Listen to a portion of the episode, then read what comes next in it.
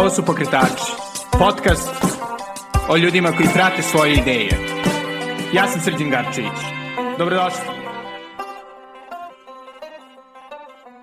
I dobrodošli u najnoviju epizodu Pokretača. Današnja gošća je izuzetna Sanja Vuksanović, ženski šahovski velemajstor, koautorka učbenika 3-4 Pozor šah i za malo starije slušaoce, zvezda emisije Mali program koja se emitovala na televiziji Beograd tokom 70. i 80. godina. Fokusirali smo se uglavnom na njenu šahovsku karijeru koja se odvijala ne samo u Jugoslaviji i posle Jugoslaviji pod sankcijama, već i u Sovjetskom savezu gde je studirala krajem 80. godina i naravno o raznim anegdotama e, koje su se dešavale, e, o tome kako je Gari Kasparov spasen od e, supe na glavi. Pričali smo naravno i o Queen's Gambitu i uopšte o vrednosti šaha. Pre nego što čujete Sanju, htio bih da vas podsjetim da možete donirati pokretačima preko Patreona na adresi patreon.com, kosacrta Belgrade. Tamo ćete čuti i dužu verziju ove epizode. Tu smo pričali malkice i o e, Sovjetskom savezu, malo duže. Pričali smo o e, položaju žena u šahu i o nekim drugim stvarima. E, hvala puno mecenama, možete donirati i preko Paypala na adresi paypal.me kosacrta s Garcevic, a sada bez duženja, ovo je Sanja Vuksanović. Ove, ove izrazite čast biti preko puta jedne od 19 e, ove, velikih e, majstora ženskog šaha. Vele majstora. Vele majstora, tačno, izvinite. Jel, ve, jel vele majstor, e, ženski vele majstor ili vele majstor kada... Ženski velemajstor. Ženski da, velemajstor, Da, da, dobro. pa sad ne znam, možda po novome to govore tako, ali ja sam stara Dobro, škola. kako god čovjek sebe ove, identifikuje. Ženski velemajstor, ženski velemajstor. I evo ovde je onako, moram da priznam Alkice, čak i neka doza ove, treme sprem takvog intelektua preko puta sebe. Hvala, hvala, meni je zadovoljstvo. Kako ste uopšte e, krenuli da se bavite šahom? To je onako slatka pričica, s obzirom da obično ljudi igraju šah kad im igra stariji brat, ne znam, sestra, mama, tata, baba, deda, niko. Meni niko nije igrao šah, ja sam jedinica, ovaj, mama nije uopšte, ona nije znala šta je šah, iako je matematičar. A tata je nešto igrao malo na nivou da sam ga pobeđivala već sa šest godina, tako mm -hmm. da definitivno nismo se mi bavili time, on i ja. Moja mama je iz Prizrena, čak sam i ja rođena u Prizrenu, ovaj, samo sam se rodila, mama je otišla tamo da se porodi, ali sam jako ovaj, bila vezana za baku, pos, mislim i za baku i za dedu, ali posebno za baku. I odlazila sam na raspuste i deca su na ulici igrala, igrala šah. Ja sam bila onako radoznalo, pričljivo, kao, ja sam uvijek bila pričljiva i kao mala i sad. I prosto sam bila dosadna i stalno nešto zapitkivala, zapitkivala. To su bila starija deca, možda sedmi, osmi razred recimo. I ja sam uspela da naučim kako idu figure, šta kako za to jedno leto. Onda sam insistirala da mi mama kupi šah, ono, bukvalno se ukopala ispred knjižara, ispred izloga, kupi mi, kupi mi, kupi mi, ona mi je kupila šah. Bilo jako rano, ja sam nepune četiri godine imala, ja sam od četvrte do šeste godine igrala sama sa sobom. I toga se perfektno sećam. Ja sam uvek volela i da glumim. Ja sam imitirala tu decu, ja se sećam ko sada, oni su govorili napravit ću od tebe kupus, tako se govorilo, ne znam, u to vreme, pa ću da ti uradim ovo, pa ću da ti uradim ono. Ja sednem s jedne strane, odigram potez, kažem mu sve što imam da kažem protivniku, onda pređem na drugu stranu stola, onda kažem ti meni, ja ću tebe, da. Ja sam tako igrala dugo, par godina, a onda se ispostavio neki nevjerovatan sticaj okolnosti, definitivno verujem u metafiziku i nekad čovek pripisuje sudbini mnoge stvari, a u stvari nije svestan koliko kamenčića je gurao do tog trenutka sudbine, da kažem. Sad možemo da kažemo u osnovnoj školi u prvom razredu falila je devojčica za tim, ali da ja nisam naučila, pa naterala mamu da kupi šah, pa igrala dve godine, do toga ne bi došlo. E, stavili su me u tim za školu, recimo da su bile tri devojčice, osmi razred i ja četvrta, sta, e, žrtvovali su me na prvu tablu, to je tada bilo popularno, staviš najlošijeg na prvu, pa se svi pomere na drugu, treću, četvrtu. I ja, mislim, pojedem sve figure, znači ja obrstim devojčicu preko puta sebe, ove druge naše tri izgube, a ova devojčica, ja sam se videla od stola, je bila visoka već onako poludevojka, ona se zacrveni i preda. Zanimljivo je da nije predala, ja nikad ne bi dobila partiju, ja nisam znala kako se partija završava. Ja tada nisam znala šta je mat. Uj. Prosto, ja sam samo savladala jako dobro geometriju. Ja sam znala kako idu figure i da kralj se ne jede, ali šta se dalje radi, to nisam, previše sam mala bila. Onda su mi pokazali i već sa sedam sam bila prvakinja Srbije do, ono, ne znam, do deset. Recimo, uvek rekao bi čovek, aha, pa baš ste bili talentovani, neko ko sa tri i po četiri godine ovaj, počne da igra šah i tako, deluje kao talenat. Međutim, kad sam u nekom trenutku kasnije u Rusiji na studijama pitala neki od vodećih igrača sveta, pa sam ja talentovana, jedan drug mi je rekao, ni malo. ja kažem, molim, kaže, samo si strašno pametna, što si baš rešila da igraš šah, to se ne zna. Um, ja sam uvek bila radnik, i ovaj, mene su izafrkavali da, da, da ne može da se izađe sa mnom iz otvaranja, ali vidite, pokazalo se to i od četvrte do šeste godine. Ja sam dve godine vežbala geometriju. Tako da, eto, to je, to je priča o mom šahu i početku. I to i jesu neke najbolje godine, to između 4 i 6 da dete nauči da igra šah. Čini mi se da je pogotovo šah u, u godinama kada ste se vi njime bavili onako bio izrazito podržavana igra, nešto što je bilo vrlo promovisano, yes, veliko dobro. Jeste. I onda pretpostavljam da su vas svi podržavali, da, se, da nastavite da s time bavite. Jeste, šah je, pa sad ovako, znači vratit ću se na to, ali mislim da sam ja se bavila šahom iz jednog drugog razloga. Znači, ja definitivno se potpuno slažem sa devizom da ništa ne uspeva kao uspeh. Ja ne mogu da vam kažem da sam ja volela strašno šah Ja ne mogu čak ni da vam kažem da, ne znam, sam šah volela više od karata ili nečeg drugog. Prosto ja sam volela uspeh. pa da. Uspeh je, volela sam da pobeđujem, mislim baš da nije mesto da kažem da sam ovan, ali ovaj, ima nečeg i, i u astrologiji. Znate kako usladi vam se pobeda, išlo mi je i mislim definitivno da sam kasnije izabrala šah iz istog tog razloga. A što se tiče godina, potpuno ste u pravu, to su bile neke zlatne godine, do duše kraj već zlatnih godina, nažalost, ali sam ja uspela da uhvatim, baš zato što sam tako rano počela. Ja sam već sa 14 bila seniorski prvak Beograda. Znači, to je bilo 81. godina, još uvek je bilo zlatno doba šaha.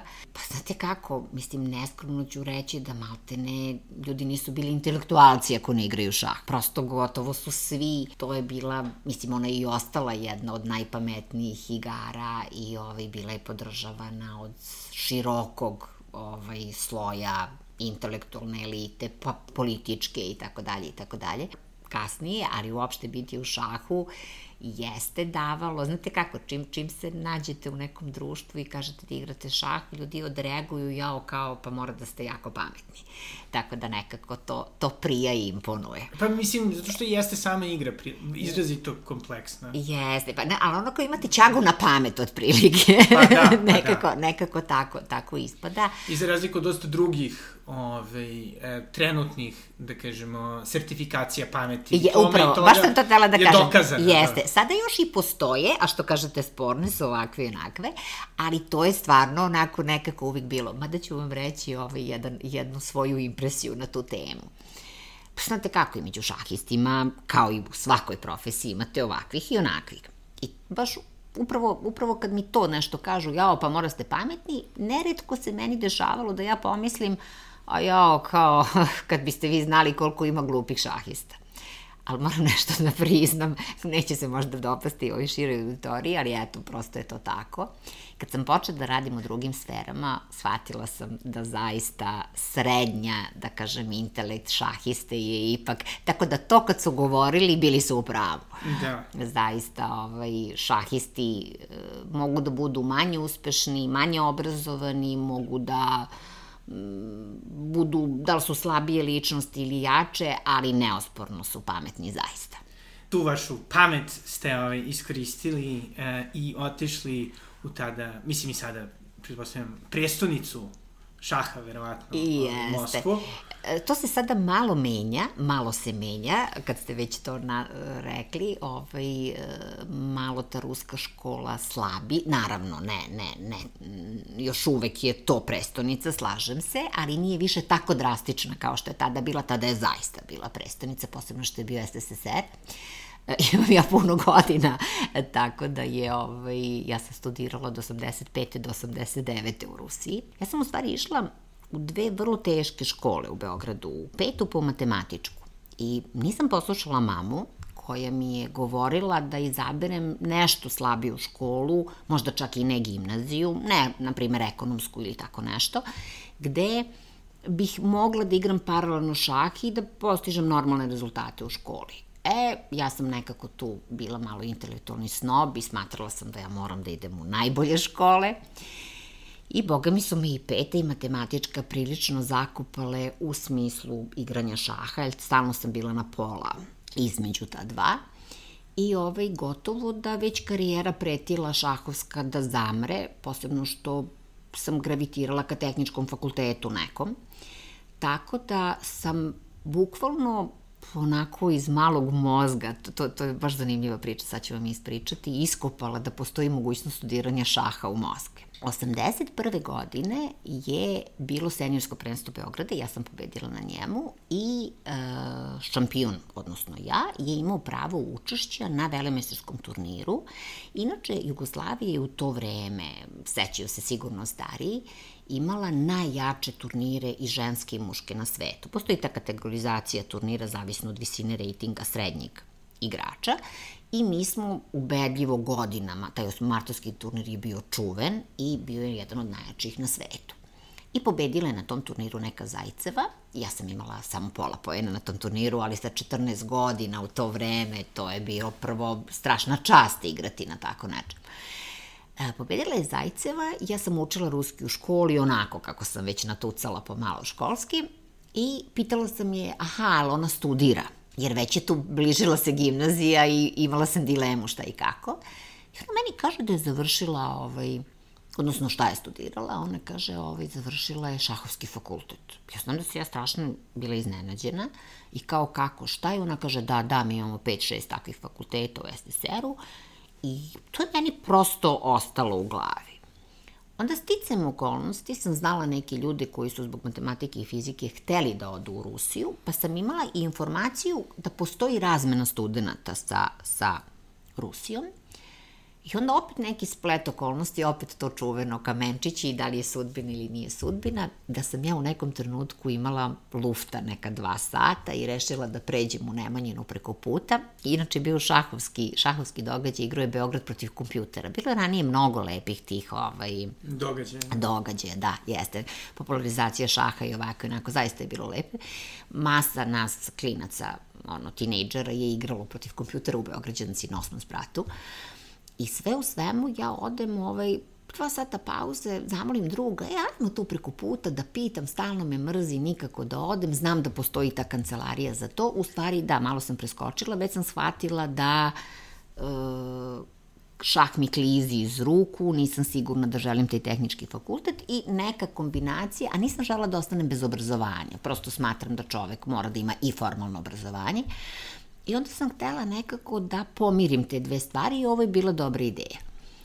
I onako, pitamo mi nešto na portinici, ona spusti, sad se onako prisjećam, i pojavimo se, čovek je sedeo onako kao iz nekog Goguljevog romana u uglu među knjigama, mislim ću kažem u prašini, ali bukvalno onako zaboravljeni neki činovnik od prilike, mislim bez uvrede, ali tako, tako je to izgledalo da slikovito opišem ljudima koji slušaju. Dobar dan, dobar dan, studiranje u inostranstvu, on onako polumrzovoljno, već i pred penzijom, kaže, ovaj, završen je taj konkurs 1. decembra. A ovo se recimo dešava u januaru, februaru. Ja već krenem na vrata, a on onako sa dosadnom mu nikomu ne ulazi i kaže, a šta, šta si tela da studiraš? Ja kažem šah, ma ajde, kao u fazonu ne lupa i to ne postoji. Ja se zainatim da postoji i krenemo mi da se raspravljamo i ja kažem, znam sigurno, žena mi rekla, kaže, proverit ću, javi mi se tipa u ponedeljak. Ja se javim u ponedeljak i čovjek kaže, bila si u pravu, daj dokumenta. Neverovatno da je postojao konkurs za to, a da su moje dokumenta rešili eto tako da pošalju, bilo im zanimljivo. Dobro, jesam bila, mislim, u Americi tako i rade, mislim, neko ko je interesantan po nečemu, to se nekako, ali poenta je da su svima odgovorili do maja, a meni nisu odgovorili uopšte, jer to uopšte nije, Rusi ono drže se sistema. Onda sam ja upisala prijemni na građevini na svom nesuđenom fakultetu i već se ušemila i s kim ću da učim i tako dalje i tako dalje da bi bila na ligi u avgustu, druga savezna, prva savezna liga, druga savezna liga, ovaj, igrala, igrala za klub, kad mi je stiklo telegram mami, kaže, slušaj, stigo ti telegram za dva dana da budeš u Moskvi. Recimo, nemojte me držati za reč, ali recimo da je 29. avgusta stigo telegram da prvog budem u Moskvi. Neverovatno. Septembra. I onako u šoku. Više nisam bila spremna, prosto ja sam rešila da me nisu primili. I ovaj... I onako mama je odigrala jednu presudnu ulogu, zanimljivo s obzirom da sam jedinica i da ovaj, smešno je malo što je čak bila i napadana otprilike, oterala dete od kuće kao kako tako ovo, ono, kako je pustila.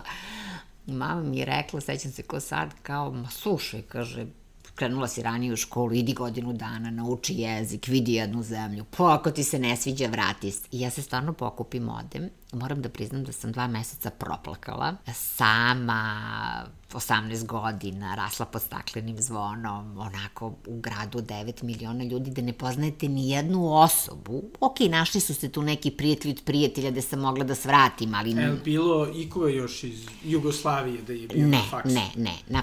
Bilo je nekih ljudi koji su, čiji su roditelji, fakultet. da, objasnit ću, aha, roditelji, čiji su roditelji živeli, pa su oni dolazili na fakultet, ali ja sam živela takozvano opšježici, odnosno njihov dom. Ja sam živela u domu.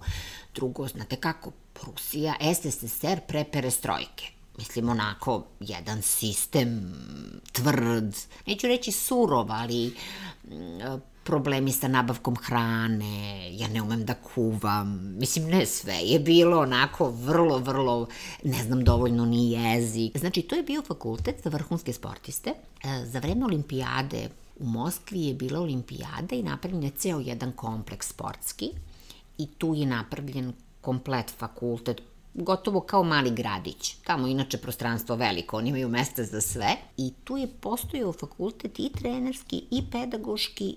Mi smo faktički imali za vrhunske sportiste da se baviš svojoj specijalnosti na svojoj katedri, da jednog dana budeš trener, faktički im je omogućavalo da se nastave da se bave profesionalnom sportom. Upravo to što je meni bilo neophodno.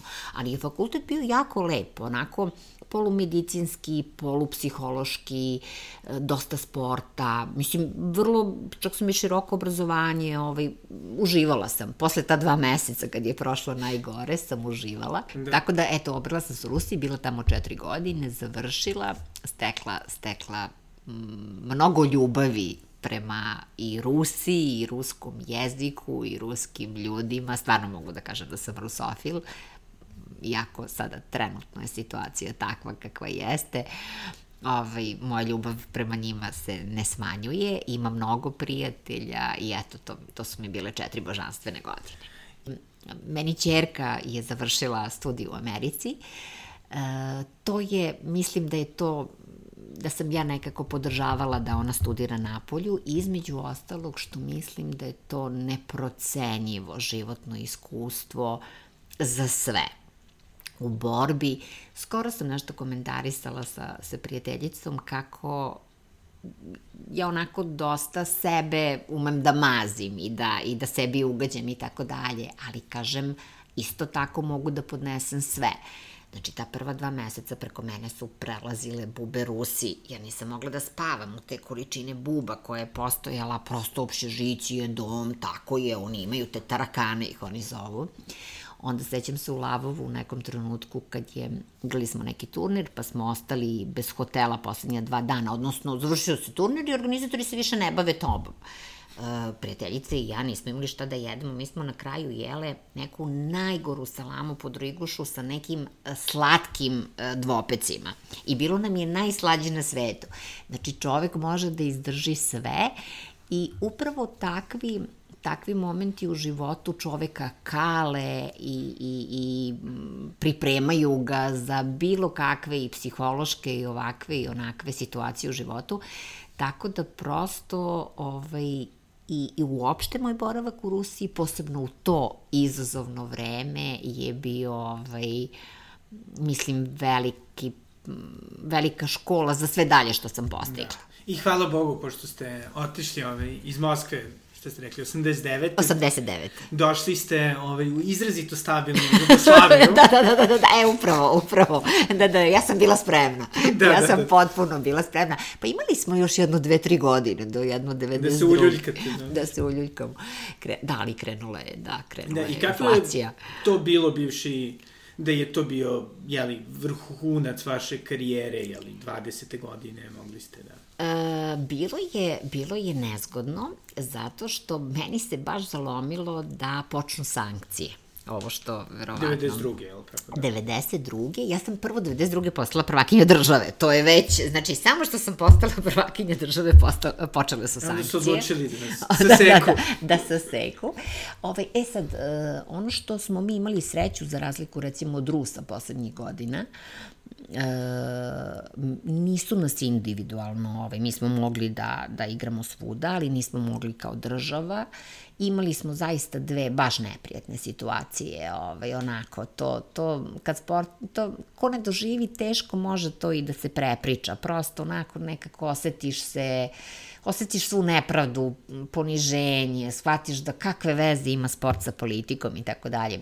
Prva stvar je bila, mi smo igrali, igrao se evropski šampionat u Debrecinu. I tada je Jezdimir Uh, kako se prezivao, stao mi mozak. Gazda, šali se. Da, da, da. Gazda jezda. Je, gazda jezda, da, da, da, ne mogu da seti kako se prezivao, da. Vlasnik banke, zna, znaju ljudi o kome pričam. On je ove imao uh, nekako konekcije, veze, možda se koristio i, i, i materijalnim sredstvima, ali sve u svemu on je uspeo da izdejstvuje da nas ostave da igramo na tom prvenstvu. E, to je tako delovalo. Mi smo odigrali prvo kolo i onda su nas izbacili. I sad zamislite, vi ste odigrali prvo kolo, paruje se drugo kolo, znate s kim igrate sutradan i odjednom počinje da se priča da ćemo mi biti izbačeni, svi vas gledaju, osjećate se grozno, zašta da vas izbace, mislim, ono vam pameti. Tu je Kasparov odigrao jednu groznu ulogu, Znači, ja mu je lično nisam oprostila i mislim da ni Srbija ne treba. Ovaj, prvo, on je kod nas dočekivan kao kralj. Njegova čak uzlazna karijera je počela sa ovih prostora. I nekako, neki njegov ekcentrizam, neka njegova želja da, da se eksponira iz čista mira, onako vam zabode nož u leđa, on je tamo odigrao glavnu tu ulogu da, da nas izbace sa sa prvenstva. Stvarno, na koji način? Agitovanjem? E, pa, agitovanjem, prosto se javio za reč, njegova reč je već, on već bio i prvog sveta, njegova reč je bila već, ono ne već, nego jako, on je glasan, on je agresivan, on je inače takav. Niko nije mi rekao, zbog njegova da, da, da, da, da, da, svi, svi, jeste, jeste, on se petlja, on je mi rođio u svim čorbama, on je apsolutno mi rođio u svim čorbama ali je bila jedna lična anegdota između nas ovaj, koju mogu da podelim, naravno ovaj, ja sam sedela sa ruskim timom, jer ja sam, kao što sam pomenula, bila prijateljica, odrasla s njima, da kažem, odrasla u te najlepše godine, godine mladosti sam provela sa njima. Ja sam sedela i on je došao da ovaj, krenu ka, ka stolu i hteo da sedne s nama, naravno nas dvoje se odlično poznajemo. Ja sam samo jednom velemestru rekla, nemoj slučajno da sedne, prosuću mu supu na glavu potpuno sam bila spremna, onako slatko da mu izlijem supu na glavu. Ovi su, on, on je stao i govorio, pa da sednem, da li da jedem, da li da ne jedem, da li da sednem. A onda su ovi, ovi svi, posebno taj moj drug, zakopali glave u tanjire i za trenutak je bilo jako neprijatno, on je video da sam ja tu, ja sam ga pogledala onako ledeno i samo se pokupio i otišao, onda su, jo, osvetit će nam se, on će ovo da nam zapamti, kako si nas Međutim, ovi posle su mi rekli da su mu rekli, jao, izvini, Sanja je bila za stolom, kao ne, ne, ne, u redu je, kao shvatio sam. Mislim se, nisi shvatio što je moglo da te snađe. Nikad više s njim nisam progovorila, ovaj, zato što stvarno, da ne koristim ružne reči. A druga je isto, mislim, isto bljak situacija bila. krenuli smo na olimpijadu u Manilu i onako pozdravili se sve autobusom ka Mađarskoj, pošto Naravno. nije kako drugačije, kako Preko drugačije, Budimpešte, preko da. Budimpešte. Krenuli smo i vratili smo se sa granice, ne zato što nas Mađari nisu primili, nego zato što je stigao umeđu vremenu, je stigla informacija da džabe idemo, da turnir nećemo igrati, onda je bilo besmisleno i vratili smo se, znate kako, spremate se, krenete, onda vam neko kaže da ne možete da igrate. Tako da tako, baš je bilo, baš je bilo, ovaj, bilo je teško vreme, ali zaboravi se to sve, nekako sad, sad kad se setim, ovaj, um, igrao se šah i, i ne mogu da kažem, zaista je i dalje bio podržavan, još uvek je imao taj status. Nekako se namestilo da sam ja uh, i prestala da igram u vreme kad polako je Pa zapravo kao sa pozorištem recimo, jako je slična paralela. Sada imamo situaciju kad je pozorište ponovo stalo na noge, kad je popularno, kad se ide, kad je poštovano, uostalom i plaćeno, da kažem da je to nekako u vezi Naravno, jeste, u, da. u granicama uopšte, da Naših kažem, mogućnosti. naših mogućnosti i nivoa naših zarada, da. Međutim, e, sve te donatorske stvari, a šah je apsolutno donatorski sport, su u tom jednom trenutku jako teško stajali. To je bilo otprilike... Pa to je Kraj bilo 90-ih. kraj 90-ih, da, da, tu negde, tačno. Ja sam, ja sam 2000-te rodila Galu i prestala da igram šah. To su bile te neke godine, pred 2000-te i, i tada. Tako da ovaj, nekako sam stigla da to što sam ja ištiklirala ovaj, u, u šahovskoj karijeri, to, to vam nešto prokomentarisati, mislim da je interesantno da se čuje.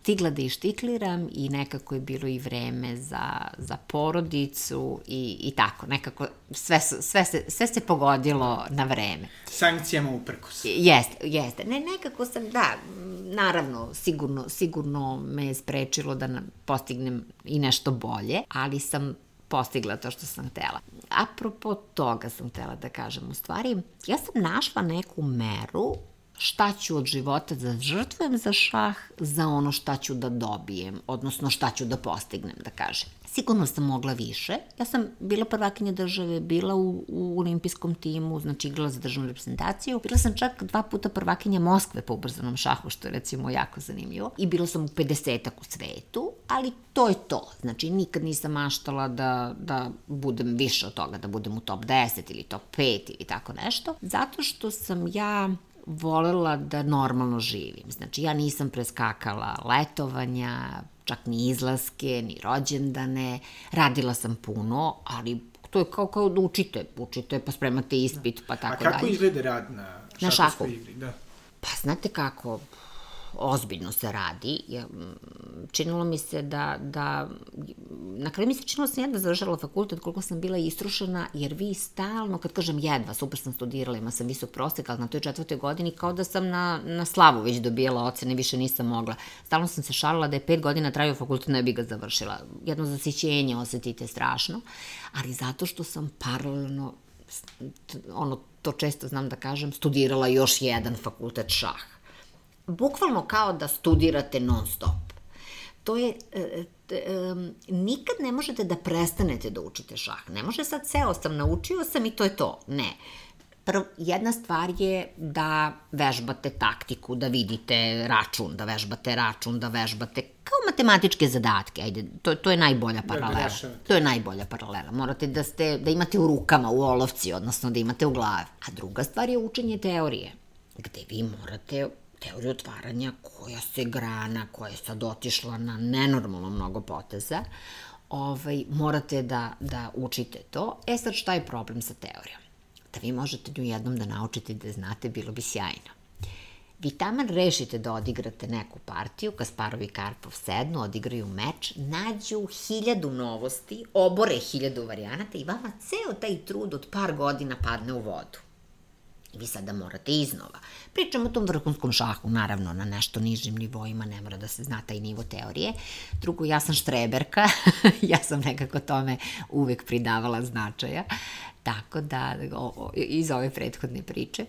tako da sam volela da, ovaj, da, da pratim teoriju i faktički sam prestala da igram šah. Nekad više nisam mogla da igram, to Vladimir Kramnik isto kaže, nego kad više nisam mogla da se spremam. Mogla sam ja da sednem da odigram, ali nije to to, ne možete da igrate bez pripreme, prosto se ne osjećate, nekako nije ni pošteno, meni to tako deluje, ali nisam više imala živaca, ni energije, nisam više mogla da se spremam. Prosto, um, šahovski vek uh, je jako se spustio uh, kod igrača. Uh, Nekada su ljudi u 40-50 godina faktički bili na vrhuncu igre, pričamo o starim majstorima. Pa da, pa Fischer je, tako? Starim velemajstorima.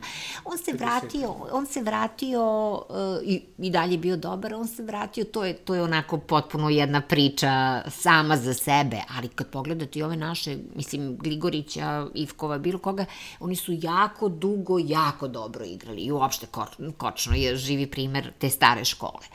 A sada, verujte mi, malte ne u 30 godina ste stari igrač, ono, ne možete da parirate klincima. Jako se promenio šah. To je jedna od stvari što, zbog koje volim što sam završila karijeru, da kažem, na vreme ili rano.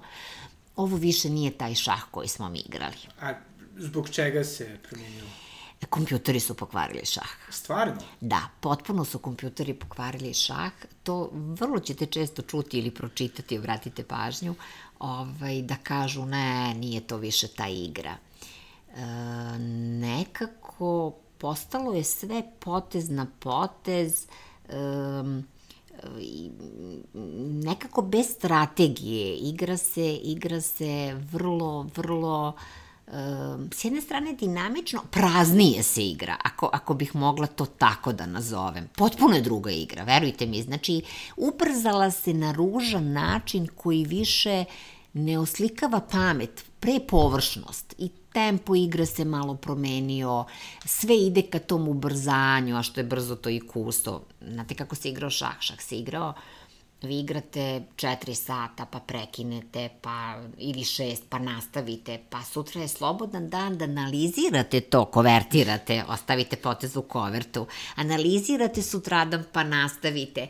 Mislim, prosto imalo, šah imao dubinu, što i jeste poenta jedne pametne igre, sad je nekako dum, dum, dum, tras, atomski je šah, nije to više taj šah koji smo mi igrali. Da, I, ali baš zbog te njegove ove, kompleksnosti, što ste i sami pomenuli, ali reputacije šahista kao izrazitih stratega, ko, šta biste rekli da, da čovek može da nauči ove, igrajući šah?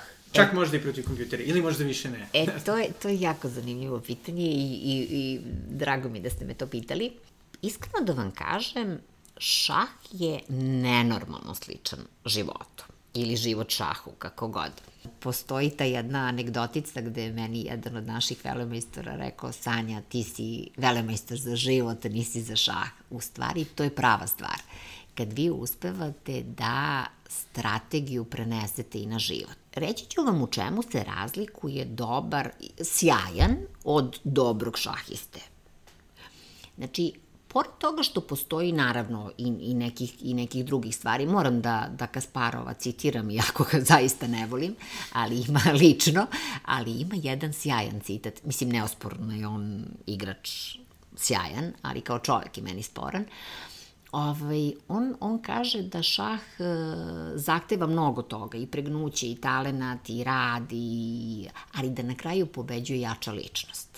Definitivno u šahu ima mnogo psihologije i u šahu ima i mnogo strategije. Psihologija je inače moja strast e, koja je negde iz šaha, da kažem, iznikla.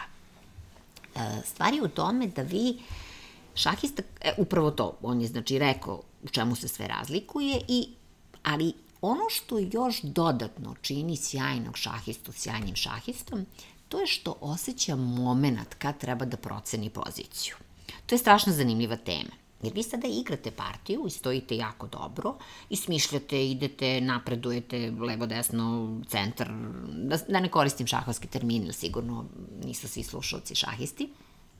I, ovaj, I u nekom trenutku vi ste možda malo bili sporiji, on je našao neki kontra udar, ali vi ste navrli, vi dobro stojite, vi igrate na pobedu, vi ne osetite trenutak kad treba da kažeš čekaj, čekaj, čekaj, čekaj da vidim, a kako ja sad stojim? Jer ako to uradite, što uradi vrhunski šahista, on oseti taj trenutak, onda vi uh, možete da kažete, čekaj, čekaj, ja sada moram da se odbranim, da povučem snage, da se pre, pregrupišem ili tako dalje. Ako srljate, nastavite sa tom svojom pozicijom, sa tom ocenom pozicije. E, poenta je što u životu sam se toga nagledala još mnogo više. U šahu možete da izgubite samo partiju, a život može potpuno da vam ode dođavola kad niste svesni svog mesta i svoje pozicije u društvu, svoje procene vrednosti, u stvari i tako dalje. I ljudi vrlo često žive u slici o sebi koja je bila u mladosti, gde su se možda isticali ovime ili onime, a u stvari umeđu vremenu su da tako ružno kažem, postali promašene ličnosti ili se nisu dokazali ili nisu svoje ciljeve dostigli, ali oni to ne vide zato što stalno sebe vide kao neko ko je bio uspešan sa 15, 18 ili 20 godina. E, u šahu je strašno važno da uvek znate kako stojite i, i da osetite taj moment. Tako da, tako da mnoge te strateške stvari ovaj, koje, ja stvarno mislim da, da, da dobila sam sve vremeno kompliment od Milonke Lazarević da sam se rodila sa strategijom, to mi je jedan od dražih komplimenata u životu.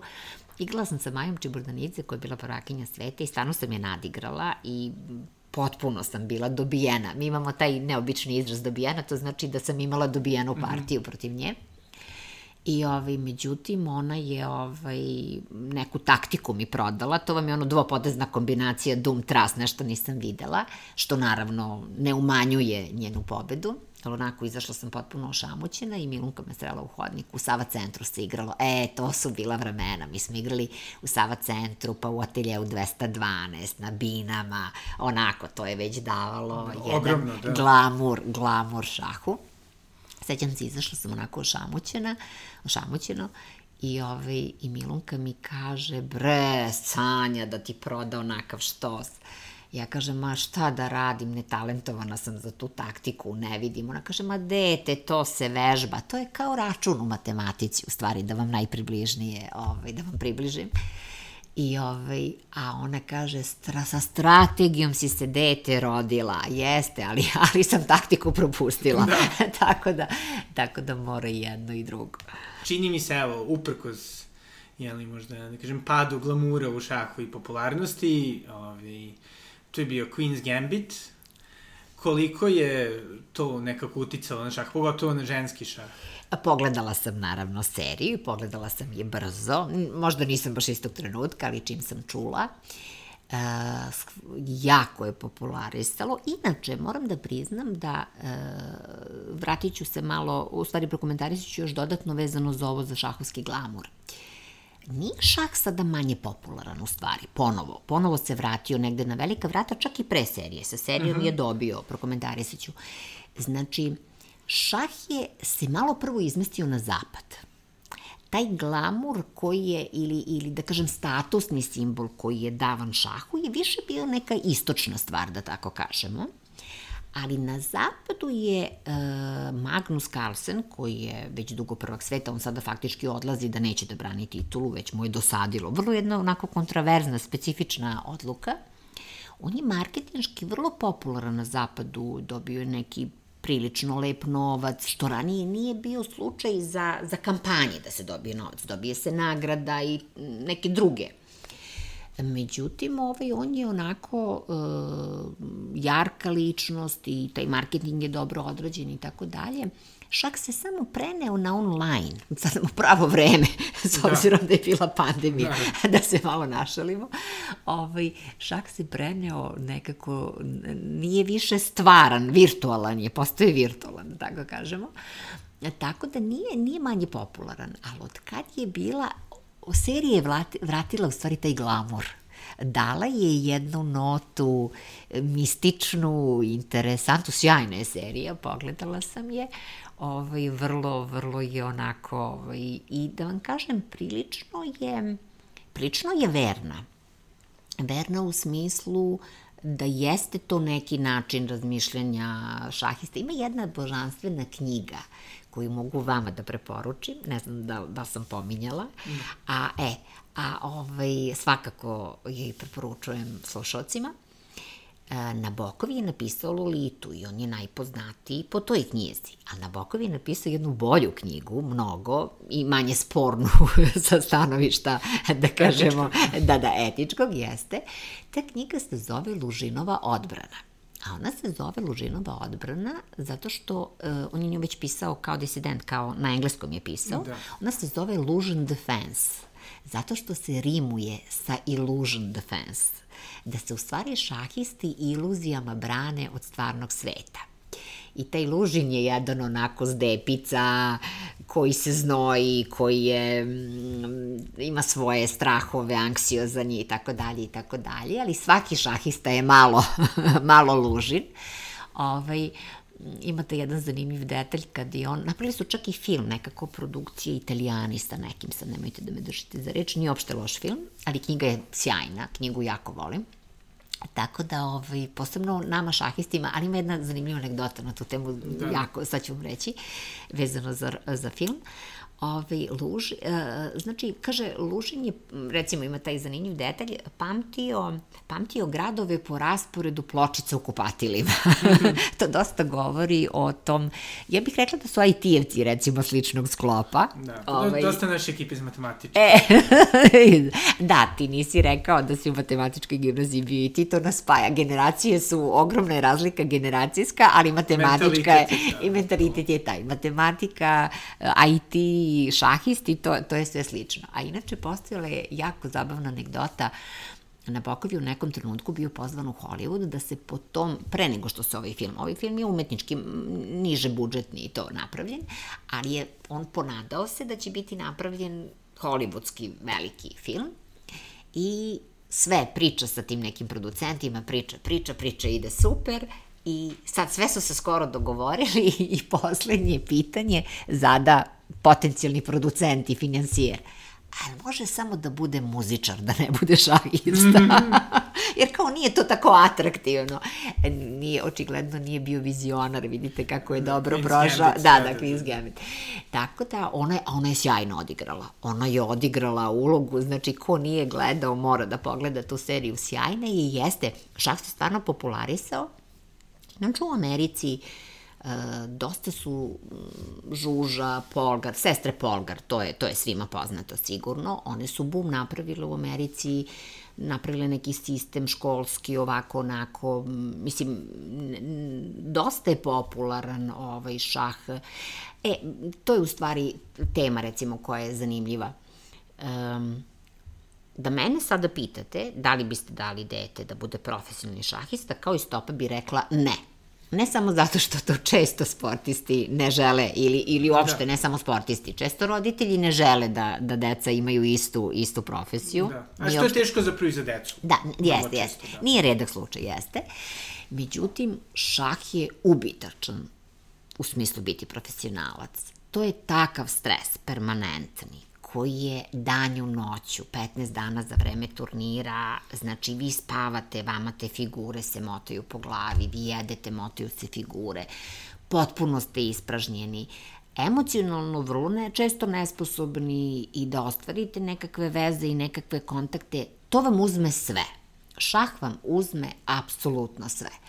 Koliko je negativan u tom smislu i težak kao profesija i sport i opredeljenje, toliko je na milion načina koristan kao nastavno sredstvo za decu, prekla bih od četvrte recimo do 12. godine, mislim može i dalje.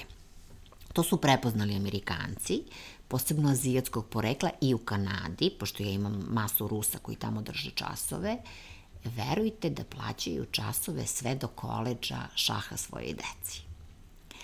Ja sam Gali, čerki svojoj, kad je, kad je krenula u školu, rekla, vidi ovako, biraj matematika ili šah, moraš da se takmičiš do osmog razreda, nije bitno šta ćeš da uradiš, i ona je onako stala kao što?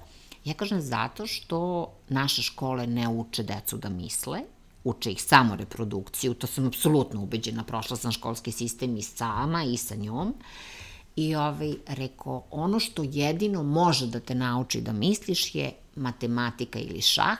Ona, pošto ja igram šah, a baka je matematičar i stopa je rekla matematika.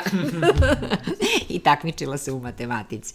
Tako da, i završila matematiku da. na Kolumbiji u Njujorku mi smo, Ivan Marković i ja, moji najbolji prijatelji i naš poznati šahista, smo napisali knjigu, autori smo učbenika za prvi razred koja se zove 3-4 pozor šah. Evo, ja mogu da kažem slušalcima informaciju koju možda ne znaju, da e, je, mi smo to poklonili e, Kavčićevoj fondaciji, odnosno izrazili smo na taj način podršku besplatnim učbenicima u Srbiji i na njegovom sajtu u PDF formatu mogu da skinu i radnu vežbanku, radnu svesku i knjigu. Isto tako mogu i da naruče po nekoj stvarno najnižoj mogućoj ceni, pošto je onako knjiga dosta luksuzno urađena, da, pa je ta štampa je, malo... Lepa. E, hvala, hvala. Onako kao slikovnice, da, 120 da. crteža je slikano. Um, mislim, ono što, ono što smo dobili kao kritike i na što smo ponosni da su nam knjigu uporedili s malim princem. Šta dalje reći? Knjiga zaista nije samo šahovska. Ona vaspitava dete, ona ga uči razlici, lepim manirima. U stvari, mi smo zaista sve ono što je korisno detetu za šah pretočili u knjigu, izvukli svaku onu najmanju, najmanju ovaj, bitnu stvar da, da dete uređuje, vaspitava, uči ga strpljenju. Ima jedan božanstveni eh, jedno božanstveno obdanište na Novom Beogradu, sad, nažalost, ne znam kako se zove, pf, možda 11. april ili tako nešto, sad mhm. nemojte da me držite za reč, ili mladost, ne znam, na, nažalost ne znam kako se zove, ali bila sam tamo, sramota za mene, ne pamtim, ne pamtim nazive, gde su, gde su vaspitačice fenomenalno vaspitale decu u šah. Vi kad odete tamo, to je takav praznik, morate da odete, možda da ih posetite. Vrlo rado, da. Znači, ta deca prave figure, takmiče se i, i meni se desilo da vidim, ne znam, 400 dece na istom mestu, da svi ćute igraju šah. Pa to su deca 3, 4, 5, 6 godina. Znači, one su na najbolji način, ta neka vaspitačica je dobila i neku nagradu i nastupala je na nekim, na nekim forumima i kongresima i tako dalje. Znači, ona je na najbolji način pokazala koliko uh, koristi ne samo, da ne pričamo o analitičkom mišljenju, razmišljanju, nego koliko uređuje sama činjenica da dete mora da sedi, da sačeka da ovaj povuče potes, pa dolazi njegov red. To zvuči kao pa šta? To toliko detetu pokazuje disciplinu, redosled, neki, neki, neki red. Kontrolu emocija. Kontrolu emocija. Ne, ne, ne, znači fantastično je. Tako da stvarno ovaj, toplo bih preporučila svim roditeljima i bakama i dekama da, da sa decom sednu. Zato, to, zato smo i poklonili tu knjigu, zato što verujemo da ima mnogo dobra u, u, i velika je pomoć. Baš sjajno nastavno sredstvo. Jel mislite da ima smisla da, da, da se pokušava da se uči sa 30 plus godina. E, moram samo da upozorim, šah je malo kao droga i kao kocka, uslovno rečeno. Zaista može da bude pomalo obsesija i može da, da vas odvuče od stvarnog života. stvarnog života ili od partnera i da vam, ne znam, devojka ili žena prebacuje, ovaj, šah onako vuče ka sebi, ali naravno sjajan je i hobi i, ovaj, i sigurno da može i tad da, da pomogne nekoj koncentraciji i nekom naporu da se nateraš. Ma, defin, mislim možda ne toliko da se čovek smiri, mislim pre da se unervozi, to, to, to ne, ali ali da izdrži mentalne neke napore kao vežbu. Ja sam imala jednu zanimljivu vežbu kontra.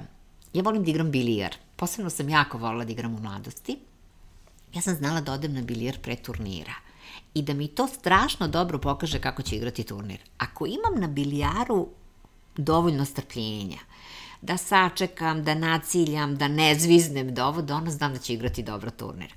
Tako šah može dosta da, da vam pokaže u kakvom ste stanju i da vam proširi, da kažem, mentalnu snagu za neke druge napore koje vam, da. koje vam trebaju u poslu. Znate li koliko puta za vreme šaha, za vreme jedne šahovske partije, vi ono umrete i oživite, da tako kažem, najbanalnije. Zamislite, vi sada igrate, u jednom trenutku kažeš, nisam video na primjer LF7. E, verujte mi, ja sam se sad naježila. Znači, ja sam sada prizvala to kako sam se osjećala dok sam igrala. Vas oblije hladan znoj, vi se skamenite onda vidiš da nije. da to LF7, recimo, koje ste gledali, ne prolazi. Ali ti si već tu ono potpuno e, izgubio energije e, živaca svega. Onda obrnuto, učini se da dobijaš. Ne zna se šta je gore. I onda kaže, onda ti adrenalin, pa se raduješ, trećan si, onda razočarenje, vidiš da ne dobijaš. To se desi deset puta tokom partija, da ne pričamo o samom finalnom činu pobede. Um, taj deo je recimo smešan, pošto, pošto ste, pit, pošto ste, ja sam malo s tobom na ti, mnogo si mlađi, tako da ma, nekad sam na ti, nekad smo na vi. Ove, ovaj, Uh, kad, kad uh, odigram partiju i sad je poenta kako se osjećam posle partije. Kad izgubim, ja sam spavala kao klada. Ja sam imala strašno dobre zaštitne mehanizme. Znači, potonu mi sve, lađe, ja kad pobedim, cele, nemo, cele noći ne mogu od radosti od da spavam, da. od adrenalina.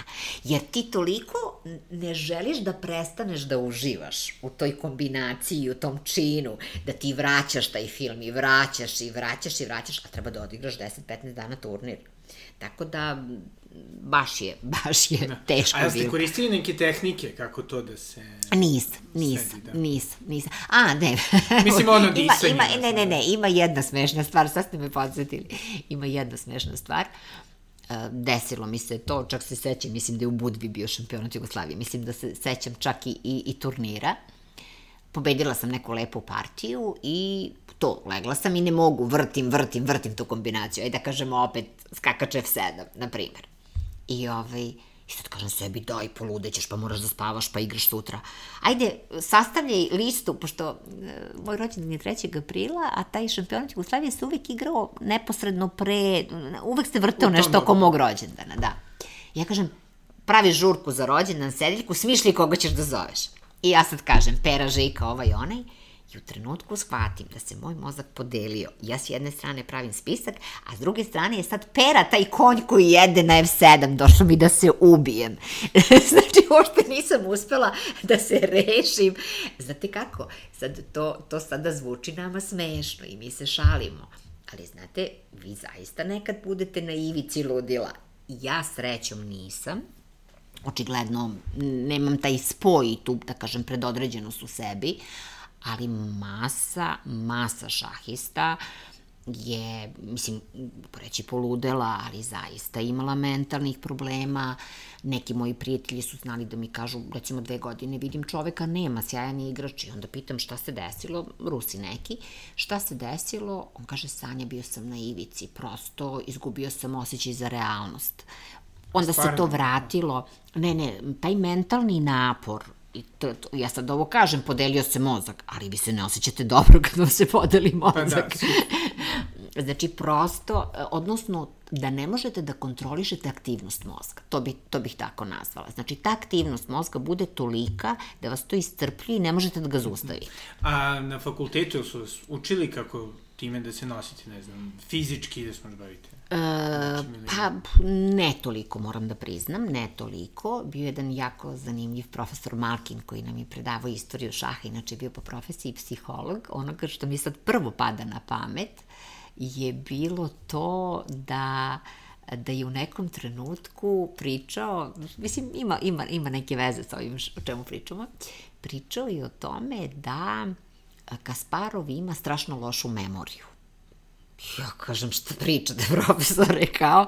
On kaže, Vuksanović, ti ne znaš šta je memorija, ti si neuka. Bio je onako vrlo, vrlo oštar, oštar i direktan. Ja kao, molim, molim.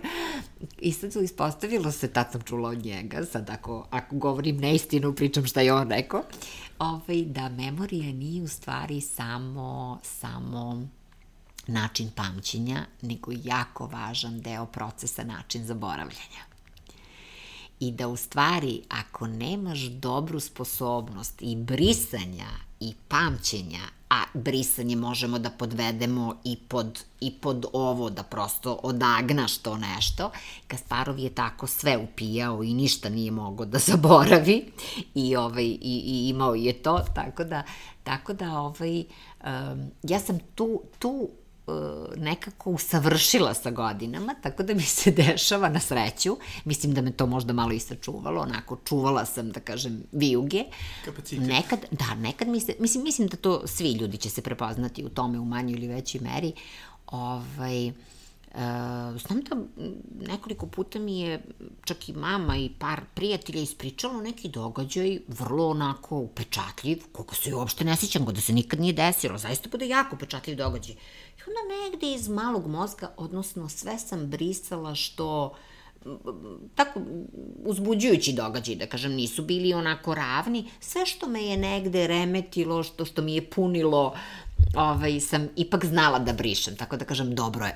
Da, da, tako da po Malkinu, po Malkinu. Nije loše ovaj, ni zaboravljati. Po Malkinu nije, ne, nije loše zaboravljati uopšte, tako da ljudi se hvale time da pamte sve, e, treba nešto i zaboravljati. Bolje ne. I čistiti i, i emocionalno sebe e, rasteretiti, da tako da. kažem. I, I evo, za kraj, ovaj, šta biste e, poručili slušalcima?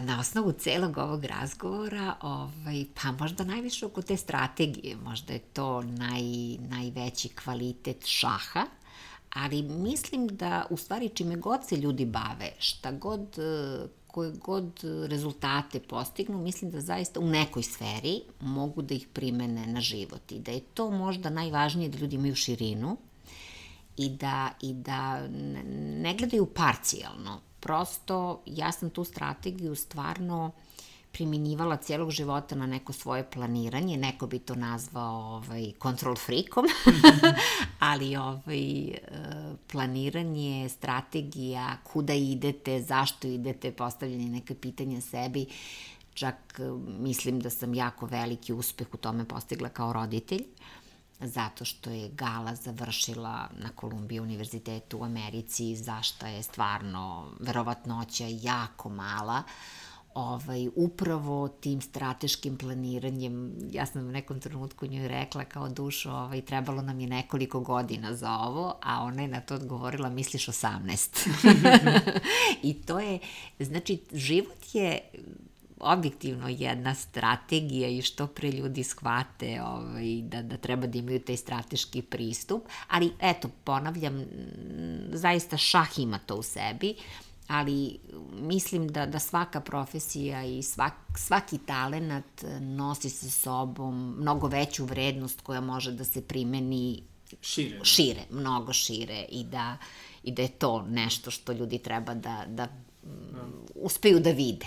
A sad jedno malo, ovaj, možda mi treba jedno malo filozofsko pojašnjenje, ali pošto živimo u vrlo nestabilnim vremenima, ali ovaj, SSSR je propao, Jugoslavija isto tako.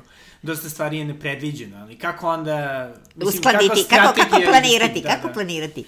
Pa znate kako, s obzirom da se ja bavim puno i psihologijom, e, to je stvar koju recimo nisam rekla o sebi, a meni je to, meni je to vrlo važno i zanimljivo. Uh, ja se bavim analizom snova već preko 20 godina, po Jungu, ne po stanovniku, i ovaj, to, je, to je nestvarno zanimljiva oblast. Ovaj, I to sad onako usput, ali je poenta i radim na nekim drugim ovaj, tehnikama izlečenja, teta healinga i, i timeline healinga i tako dalje, to je neka tema. Postoji jedan sajt, menjam se, ovaj, koji je božanstven, to drže moji prijatelji ja to potpuno podržavam zato što sam prošla to sa njima, prošla i moja čerka. E, međutim, znači, ovo što ste pitali, znači, psihologija je mm, ono što propagira psihologija što sam ja potpuno prihvatila i prirodno, mislim da takva i jesam, ali i učeći mnogo i čitajući je život u sadašnjosti. Znači, znate kako kažu, što prošlost... Što je kontra Što je kontra, zato, hoću, zato, zato i hoću da, da, da vam dam za pravo ovaj, u meri u kojoj... Znate kako, ti to... Ajde da završimo ovo. Znači, psiho, uh, psihologija kaže, život u prošlosti su, su uspomene, život u budućnosti su snovi. Moramo da imamo i uspomene, moramo da imamo i snove, inače je besmisleno, ali živite u sadašnjosti. Tito je to najbolje govorio. Znači, kako je ono bilo? Spremajte se kao, živite kao da će 100 godina biti mir i spremajte se kao da će sutra izbiti rat. E, to je tačno to. Znači, morate da živite u sadašnjosti, sadašnjosti, ali morate da budete spremni, da imate strategiju za budućnost. Da, znači da, da uvek igrate na više ove, scenarije, da. ne, ne samo na ta dva. Znači, ono, živite u trenutku u smislu, u smislu kad kažem trenutak, ne ono trenutak, oni brzi, brzi momci, pa ono, ali prosto da imate životne radosti, evo, recimo, meni je sada ovaj razgovor sa vama pričinio strašno zadovoljstvo mi i takođe. uživala sam, hvala, i uživala sam potpuno u tome i napunio me energijom i visokim vibracijama i tako dalje i tako dalje, ali mi smo njega isplanirali pre nekoliko dana. Tačno, tačno, da. Šalu na stranu, ovaj, ali, ali definitivno čovek mora da zna kuda ide, ko je, šta želi.